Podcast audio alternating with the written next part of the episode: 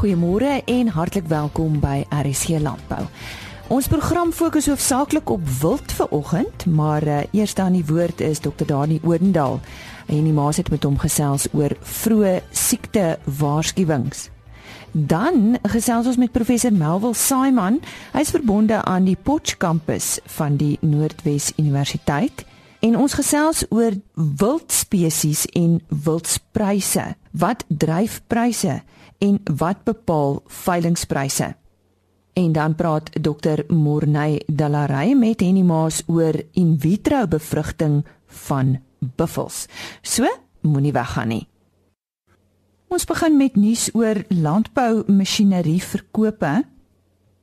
In Desember 2016 het trekkerverkope gestyg met 28% in vergelyking met Desember 2015. 349 eenhede is verkoop. Maar dit was 23% laer as die vorige maand se verkope. Intussen was die verkoop van oesmasjinerie dieselfde as Desember 2015 en 7 eenhede is verkoop. Ons uh, gaan nou 'n bietjie gesels oor sogenaamde vroeë siekte waarskuwings. En ons praat 'n bietjie met met Dr. Dani Odendaal van die veearts netwerk daaroor.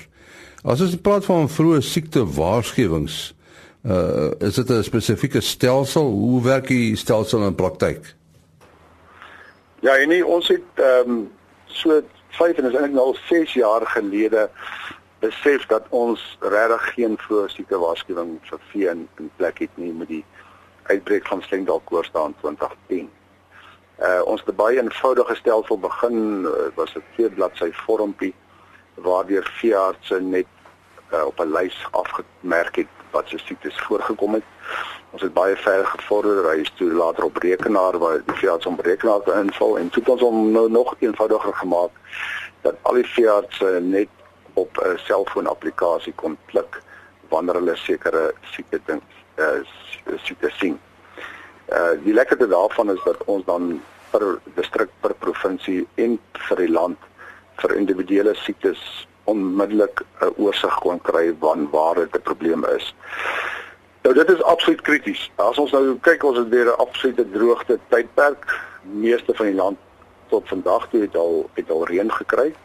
En dit snaaks genoeg na so droogte wat sien ons ons sien oorstromings en en en eintlik erge reën op 'n baie kort periode. So daar is beweging van water en grond en grond dra 'n belangrike een. Sodra grond oopspoel op plase, het ons 'n paar organismes wat lank in die grond kan oorleef as spore. En hierdie organismes word dan weer oopge oopgespoel. Die heel belangrikstes wat eh uh, val die beesboere in aan, aanmerking neem is, is sponsiekte. Sponsiekte kom baie voor nadat ons verspoelings gesien het. Ehm uh, want daai spore word weer oopgemaak en dan word dit vrygestel en kom op baie nuut gegroeide weiding en die weiding is so kort die beeste eet tot teen die grond. So jou sponsiekte inenting moet op datum wees. Ek sê altyd binne die laaste 6 maande as jy weet daar's 'n groot risiko. Uh moltsiekte moet ons ook nie uitskakel nie. Moltsiekte is 'n ding wat meer as 100 jaar in die grond kan oorleef. Ehm uh, en hy kom gewoonlik uit na sulke verspoelings. Uh en skape normaalweg met ons maar met die nuwe weiding sorg dat ons bloednier op datum is. Maar as ons net teruggaan na die siekterapporteringsstelsel toe. Uh die gedagte was altyd gewees dat daar 'n vaste sentrum moet wees wat hierdie tendense soos die veeartse dit rapporteer interpreteer. En dit was altyd ons swakpunt gewees. Ons het 'n basiese oorsig van die siektes per praktykarea soos dit oor 12 maande voorkom. Maar wat ons nodig het is 'n 24 uur sentrum wat soos die inligting inkom kan besluit is dit een van drie goede. Die een is waar ons net herinnerings moet uitstuur en vir ouens sê soos ek nou net vir jou gesê het, luister onthou as dit uh die water gespoel het, die grond opgetrek het met jou uh inenting teen die Clostridium so sponsiek op hoogte wees. So dit is net herinnering. Die tweede een is bewusmaking en dit is waar ons sien daar is besig om 'n tendens te ontwikkel. Ons sien dat hartwater is besig om te skuif van Limpopo af en ons sien dit nou meer en meer en meer in die Noordwes provinsie. Net om die ouens bewus daarvan te maak en die agtergrond oor die siekte te gee. En dan die derde een en die belangrike vlak is werklike vroeë siektewaarnemings. Waar ons nie iets uit die lug uit gryp nie, maar waar ons die eerste geval sien soos hy gebeur en om dan kan volg en vir boere werklik raad kan gee. Ehm um, ons moet nie vergeet die 6 jaar gelede het ons Slendal koers gehad. Wat was die omstandighede waaronder dit voorgekom het? Baie reën, baie reën in die Suid-Vrystaat, baie reën in die Noord-Kaap. Ons die reën het nou daar begin val. Die panne word vol, hulle stoot oor hulle walle en sodra hulle oorstoot, is daar die eiers van die muskiete wat uitbroei. En daai muskiete is die wat die die diere langtermyn dra. So dit is die omstandighede wat gewoonlik aanleiding gee tot so uitbreek. Nou byvoorbeeld slendalkoors wanneer hy voorkom, is dit amper al te laat vir totale behandeling. So ek sê altyd vir boere, moet nooit laat jy skaap op 'n plaas hê waar daar nie 'n enkele enstof vir hulle gegee is toe hulle as jong diere terughou is op die plaas nie. Want as die uitbreek kom, dan moet ons net 'n skraagdosis gee. Dan sal nie tyd vir die primêre dosis. Die primêre dosis moet beslag gegee gegee wees. Net om dit af te sluit. So ons het op hierdie stadium die finansies basies bymekaar gekry om hierdie uh oproepsentrum uh, te vestig en dit gaan eerstens uh ondersteuning gee vir die veeartse en dan deur die veeartse die ondersteuning uitbrei op die vlak van herinnerings, uh bewusmaking en vroeë waarskuwing na die veeboere toe. Danny, uh, waar kan mense met jou in verbinding tree uh, in verband met hierdie uh, veeartsnetwerk? In verband met veeartsnetwerk as dit as dit groter groepe van boere is wat meer inligting wil hê, uh, ons gaan inligting hê wat ons hulle kan uitstuur per e-pos. Ehm um, ek gaan my selfoonnommer gee en dan kan ons net kan ek net vir hulle my e-posnommer gee want hy is nie so eenvoudig om hom net op die lig te gee nie. Uh my selfoon is 082 4540532. Maar as ek ek kan nie al die oproepe beantwoord nie. As ek enigstens nie by my kan kom nie, die, die plaaslike veearts uh almal is in kontak met my. Ek kan geskakel word as hulle nie 100% op hoogte is nie, kan hulle met my verder skakel. En dit was dan Henny Maas daar in gesprek met Dr. Dani Odendaal van die Veearts Netwerk. Vra jouself waarom jy jou wild op 'n veiling wil verkoop as daar 'n kans is om 'n beter prys daarvoor te kry as jy dit direk aan iemand sou verkoop. Daar is terselfdertyd 'n groot hoeveelheid agente met goeie name wat ook hulle dienste aan wildboere bied terwyl veilings beslis waarde tot die wildbedryf toevoeg. Ek gesels ver oggend met professor Melville Simon. Hy is direkteur van die toerisme navorsingseenheid by die Noordwes Universiteit se Potch kampus. Die afgelope paar jaar is hoë pryse vir wild behaal en op die wildboerderyfront is daar altyd iets om oor te berig. Maar wat bepaal veilingpryse? Goeiemôre. Ja, in, in terme van die van die vraag wat dryf eintlik hierdie pryse nou by by veilinge en ek dink oor die algemeen. Ehm um, daar's eintlik al vir my 3 3 kategorieë. Die die eerste een is eerste twee is eintlik sterk ekonomies, dis vraag en aanbod. En dan die derde een is half vir my eksterne goed of sekondêre goed wat in die in die bedryf gebeur wat 'n invloed het beide op vraag en aanbod. So as ek nou maar met met met die aanbodkant kan begin. En die aanbodkant is is primêr maar die diere. Ehm um, daarso gaan dit nou maar uh, oor die eienskappe van die diere self. Ons kyk na dinge soos die grootte, gewig, kleur, unieke eienskappe, jy weet, soos die horings. Uh, as jy gaan kyk na verlede jaar het ons daai groot prys gekry of hoë veilingprys vir die buffel en een van die unieke eienskappe van daai spesifieke buffel was sy horings. Ehm um, dan addisioneel tot dit is die bloedlyn uh, is is baie belangrik ehm um, uiteraard skaarsheid van spesies. Uh die spesies wat ons weet is daar min van per kry gewoonlik baie hoër pryse. En dan 'n laaste ding van vanaf die alwe die uit die aanbodkant uit is die teelers. Ander woorde ons weet nou al soos in die landboubedryf in die algemeen kry jy dat daar's daar's ouens wat 'n wat 'n baie suksesvolle teelprogram het en 'n baie bekende teelprogram. En hierdie begin nou in die wildbedryf ook gebeur. Ehm um, en dan weer die mense as hy van daai spesifieke teeler afkom, dan is dit 'n 'n hoë kwaliteit dier. So met ander woorde aan die eerste kant van van van die van die vraag is die aanbodkant is gaan dit primêr oor die dier en die eienskappe van die dier. Nou as ons kyk na die ander kant wat nou die die vraag behels.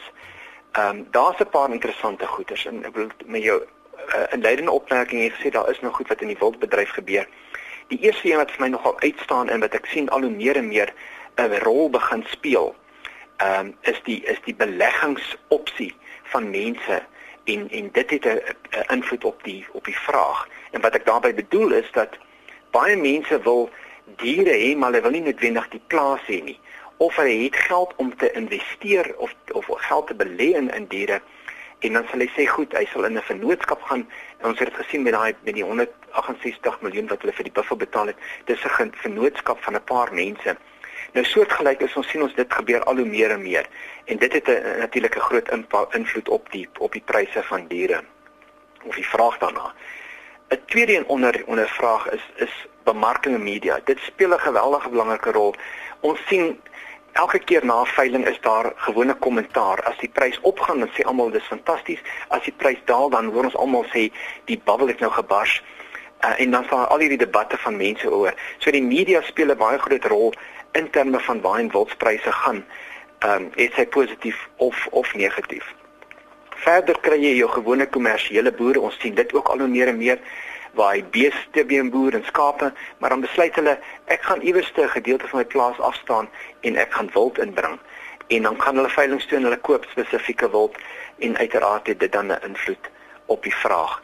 Ehm um, en die laaste een wat ek dink 'n bepalende rol speel op die vraag na wild is uiteraard die jaggedeelte daarvan.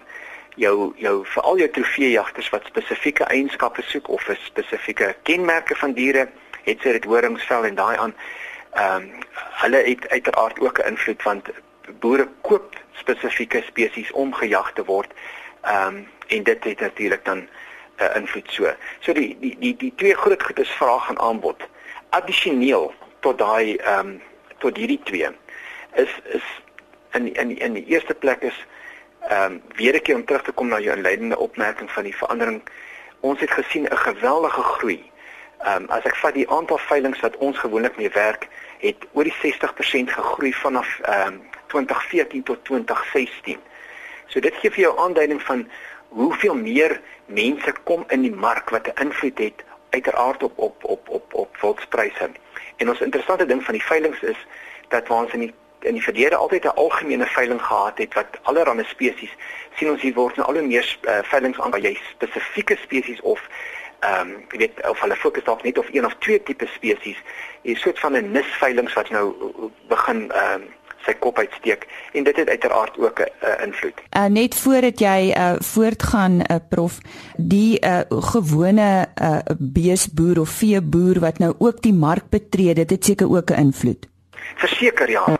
Ehm um, want want ons ons sien want dit het ook te maak met uitbreiding of of of diversifikasie van hulle produk uh aan aan die een kant en ook baie uh, boere brei hulle plase uit en bring dan uh, wild in as 'n addisionele manier.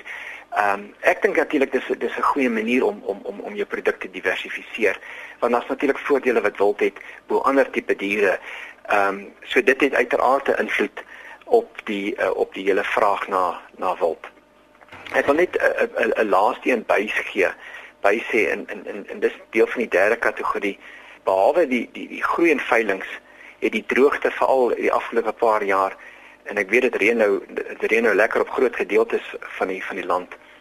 Ehm uh, maar almal sê die droogte is alsvan nog nie verby nie, maar die droogte het verseker 'n groot invloed gehad op volspryse. Ons weet veral in die in die Noord-Kaap, Noordwes en selfs gedeeltes uh, Vrystaat en selfs gedeeltes van Limpopo waar diere absoluut gevrek het en en baie boere moes moes diere keer hoë spoed van hulle plaas afkry en dit of vinnig verkoop of hulle jagters uitgekry en gesê wel teen 'n verlaagde tarief kom skiet hierdie diere.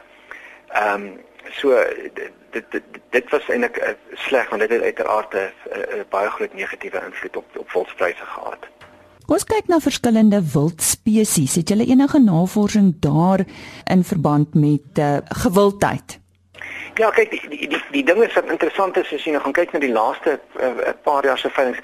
Kyk, die eerste uh, soort van algemene die die die, die wildspryse oor die algemeen op veilinge het die afgelope ruk bietjie afgeneem. In, in sekere spesies is dit meer as in ander. Ehm um, wat vir my interessant is is dat baie van jou gewone spesies soos gemsbok en buffel het redelik konstant gebly. So daar en en dis ook uh, die, die die tipiese spesies wat wat jagters ook in belang stel. So daar is vir my baie sterk ver, ver, verband daarin. Ehm um, maar daar is 'n afname in pryse. Ehm um, ek dink nie noodwendig dit het te maak met die bubbel wat gebars het wat almal na na na na oor, oor praat nie. Ek dink primêr jy weet die, onder andere die droogte het het meegebring dat dat daar 'n oorvloed selfs soos beeste wat daar 'n oorvloed uh, diere nou in die mark ingestuur is so net vir boere om te kan oorleef ehm um, of om te verhoed dat die diere vrek op die grond. Ehm um, so daai is is is aspekte wat 'n rol speel maar om om jou vraag te beantwoord in terme van die van die wildspesies spesifiek dit fluktueer geweldig van van jaar na jaar en van veiling na veiling. Uh soos ek sê en weer 'n keer dit het maar te maak met met waar kom die diere vandaan en en watter area gebeur dit en wat is die vraag op daai sta, spesifieke stadium na daai na daai dier. So hy hy fluktueer en hy ek dink hy gaan maar altyd daai fluktuasie hê. Wat sien julle vir die jaar wat voorlê as ons kyk na die verskillende landbou vooruitsigte wat verlede jaar aan ons bekend gemaak is, wys dit dat daar 'n bietjie van 'n afplatting is uh, in pryse? Ja, nee, daar was daar was verseker. Ehm um, ek is baie hoopvol dat dat met die reën wat ons nou in die afgelope ruk gehad het en mense sien die pragtige fotos in in in in in die in in groot gedeeltes van die land en mense sien die fotos van van waar die veld absoluut oornag besig is om te verander. Ek glo dit gaan meebring dat dat dat boere al alhoewel dit dalk nie oornag gaan gebeur nie, dat hulle weer gaan uh, as ek nou die Engelse term kan gebruik, weer hulle wild gaan stok. Ehm um, en dit gaan meebring dat ons dat ons weer 'n verhoging in pryse vir al jou jou jou jou spesies wat wat gewild oor die algemeen is en dit is jou jou, jou algemene tipe spesies. Dink ek gaan gaan ons weer sien want hulle hulle het hulle self bewys selfs deur die droogte tyd dat hulle hulle pryse hou. So ek kan nie sien hoekom hulle noodwendig nou 'n afname gaan wees nie. Die fluktuasie dink ek gaan maar meer in in in in jou in jou kleurvariante en en en jou jou skaarsheid spesies wees. Ehm um, waar ons redelike jy weet 'n fluktuasie sien. Ek het daar gesels met professor Melville Simon. Hy is direkteur van die Toerisme Navorsingseenheid by die Noordwes Universiteit se Potch kampus. En nou oor na Jenny Maas vir sy gesprek oor in vitro bevrugting van buffels. Ons uh, gesels nou met uh, Dr. Morney Delarey. Hy is 'n veearts en die bestuurende direkteur van Embryo Plus. Nou die wêreld se eerste in vitro buffel kalf wat uh, so ruk gelede in die Marble Hall omgewing gebore is, maak uh, nou nuwe wêrelde oop om ander wildspesies van uitwissing te red. Uh, Morney uh, jy het uh, seker nie nie gister daarmee begin met hierdie projek nie, net doop 'n paadjie. Daar seker uitdagings wat oorkom moes word met met die projek, nê? Ja, nee nee, ons is al baie jare besig daarmee en ons het al in 1980 ons eerste buffel embryo spoelings gedoen. En uh, met die in vitro bevrugting is ons vir die laaste 3 of 4 jaar aktief daarmee besig. En, uh, en en elke spesies is anders. So jy kan nie maar net die die model van die bees vat en sê dan gaan dit werk vir die buffels nie. So daar's selfde probleme wat ook met mense in vitro bevrugting uitgesorteer moes word, dis ook nou met die buffels uitgesorteer. Hoekom het julle buffels uitgesonder? Um, ons het maar besluit op buffels omdat ek het hierdie spesiale geleentheid gekry by Frans Stapelberg van Lekker Leef en uh, sy fasiliteite was baie baie goed of en hanteringsfasiliteite. En uh, en hoe meer spesies 'n mens gedoen kan kry, hoe meer modelle het 'n mens waarvan 'n mens af kan werk om te probeer kyk hoe werk verskillende spesies. Ehm um, wat se tipe hormone gebruik mense of wat se tipe media gebruik mense in verskillende spesies. En as jy die geleentheid het om voorgedoen en en en so dit is dit besonderlik uh, gunstig vir ons. So jy het nou 'n geleentheid gehad om met buffels te werk. Watter wêrelde maak dit nou ook vir ander wat spesies?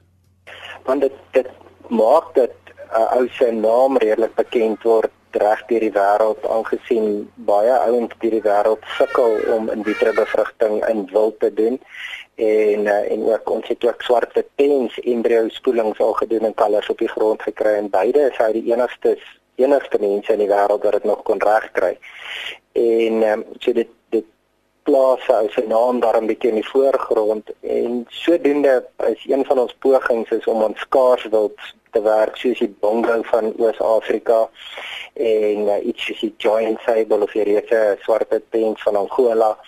Ehm um, en dan 'n besonderse ding wat my na in die hart lê is die die witrenoster en renoster spesies deur die wêreld, maar daar's net drie noordelike witrenosters oor ehm um, op die oomblik loop hulle in Kenia onder daadwerklike beskerming. En nou kan nou net vir jouself dink as daar net drie ore is en die binne steriel is die enigste manier wat hy enigstens vermeerdering van hulle genetika kan doen is dat ons van praat van geassisteerde reproduksie tegnieke. Dit is goed soos embryo-oorplasings, KI, in vitro bevrugting ensovoorts. En nou die tegnologie wat gebruik word is embryo-spoelings, maar uh, wilde dier is mos nou iets anders waar jy moet werk. Watter tegniek volg julle? Ja, die embryo embryo spoelings is wanneer die embryo klaar gevorm word in die dier se bevrugting van plaas binne in die dier en 'n paar dae later spoel hy daai bevrugte embryo uit daar uit uh in vitro bevrugting is wanneer die eiersel uit die koei geaspireer word en die semen gebruik word van die bil of ram en die bevrugting van dan plaas binne in 'n petri bakkie. Uh, kyk, dis waar die term proefbuis baba vandaan kom. Is nou wel 'n petri bakkie nie 'n proefbuis nie. En uh, dan word die inkubeerder is dan 'n inkubeerder in 'n laboratorium en die bevrugting vind daar plaas en die groei van die embriootjie vir die eerste 4 tot 8 dae vind in so 'n inkubeerder plaas. Daarna moet die ding nog steeds terug in 'n baarmoeder gaan van 'n koei, 'n fetus word ontwikkel en en so dit daarna 'n kalfie. So dit dit maak dit al hoe meer tricky um, om dit reg te kry. Uh wat sou julle volgende dier wees wat julle mee wil werk? Ja, ek um, ons ons probeer besonder hard nou net om die herhaalbaarheid van hierdie tegniek op die buffels reg te kry. En eh, en dan is ek besig met 'n uh, bedryfspesie steelsentrum een in Warmbad uh, by Kabamanzi van ons koei saam met die Rhino Pride Foundation. En dan een bedryfspesie steelsentrum in Kenia by die plek Olpejeta waar die drie noordelike witrenosters loop en eh, en daarso in Kenia wil ons baie graag werk met goed soos die grevi zebra, die bongo, die bongo kom net in bamboeswoude van van Kenia voor. So snaakse harte die spesies agter die wat hulle rulu en eh, en dan selfs startergensbokke wil, wil hulle graag hê ons moet werk in Kenia. En die groot vraag natuurlik is is dit 'n redelike duur projek om dit te laat doen? Want om die in vitro bevrugting per se te doen is eintlik baie goedkoop. Ehm um, en en en al hierdie tegnieke is teoretiese goedkoop tegnieke. Dit die duur proses kom in dat die aanhou van ontvangers en die hantering van die van die diere self, die fasiliteite wat baie duur is, ehm um, en ook die suksessyfer is is maar redelik laag op hierdie stadium ons ons het bykans 20 embrio's oorgeplaas om ons eerste dragtigheid te kry. So dit wil sê dis 20 pogings wat plaasvind voordat 'n mens suksesvol is. Okay, by beeste was dit ook baie jare terug kom ons praat van in die, in die 1970s, 80s was ons ook daar gewees en nou kry ons 50% sukses. Uh die swart pense is ook interessant. Het ons ook aanvanklik baie baie baie swak suksese gekry en ons sit nou op meer as 60% konsepsie met swart pense. So so hoor jy suksessyfer is natuurlik hoe goedkoper raak die proses. So jou, jou probleem is suksessyfer wat wat ou dan net moet moet regkry. Ja, dit was dan uh, Dr. Morney Delaray. Hy uh, is die bestuurende direkteur van Embryo Plus. Die bekende Suid-Afrikaanse tomatieprodusent ZZ2 beplan om sy boerderyvertakkings te diversifiseer en veral sy produksie van kersies vir die uitvoermark te verhoog. Dit volg nadat die maatskappy se eerste uitvoerseisoen van kersies bevredigend afgeloop het. Sowat 40 metrieke ton kersies is verlede jaar op 'n plaas in Noordwes geoes. Die meerderheid van die kersieoes is na die Verre Ooste en die Verenigde Koninkryke uitgevoer. Klaarblyklik kan die kersieplaas in die Rustenburg omgewing binne 'n unieke tydgleef in September en Oktober kersies aan wêreldmarkte lewer wanneer daar gewoonlik 'n beperkte aanbod is. twee proefproduksiegebiede, een net buite Johannesburg en die ander in die Limpopo provinsie en die ander in die Limpopo provinsie sal geëvalueer word as potensiële produksiegebiede. Volgens die maatskappy se bemarkingsbestuurder Clive Garrett wil ZC2 meer diversifiseer en sy produkreeks uitbrei om voordeel uit uitvoermarkte te trek ten einde hoë insetkoste te verreken. Garrett sê daar is ook planne om die maatskappy se avokado peer Garrett sê daar is ook planne om die maatskappy se avokado produksiegebiede uit te brei. 'n Proefperseel vir amandelverbouing word ook tans in die Wes-Kaap gestig. Nou môreoggend op RC Landbou gesels ek met Clive Garrett van ZC2 hieroor. En nog 'n onderhoud waarna u kan uitsien is vee-inentings en spesifiek skape. Hierdie maas gesels met Bertie De Wet. Dis dan RC Landbou vir vandag. Ons herinner u net weer aan twee webtuistes waar u weer na ons onderhoude of die program kan gaan luister. Die gewone RC webtuiste www.rsg.co.za soek net onder potgooi vir RC Landbou of raadpleeg www.agriorbit.com www.agriorbit.com www.rsg.com. Die onderhoude word daar apart gelaai. Klik bo aan die bladsy op broadcast en dan RSG landbou en die verskeie onderhoude word dan daar gelys. Totsiens. RSG landbou is 'n produksie van Blast Publishing. Produksieregisseur Henny Maas. Aanbieding Lisa Roberts. En uitskoördineerder Martie Kerstyn.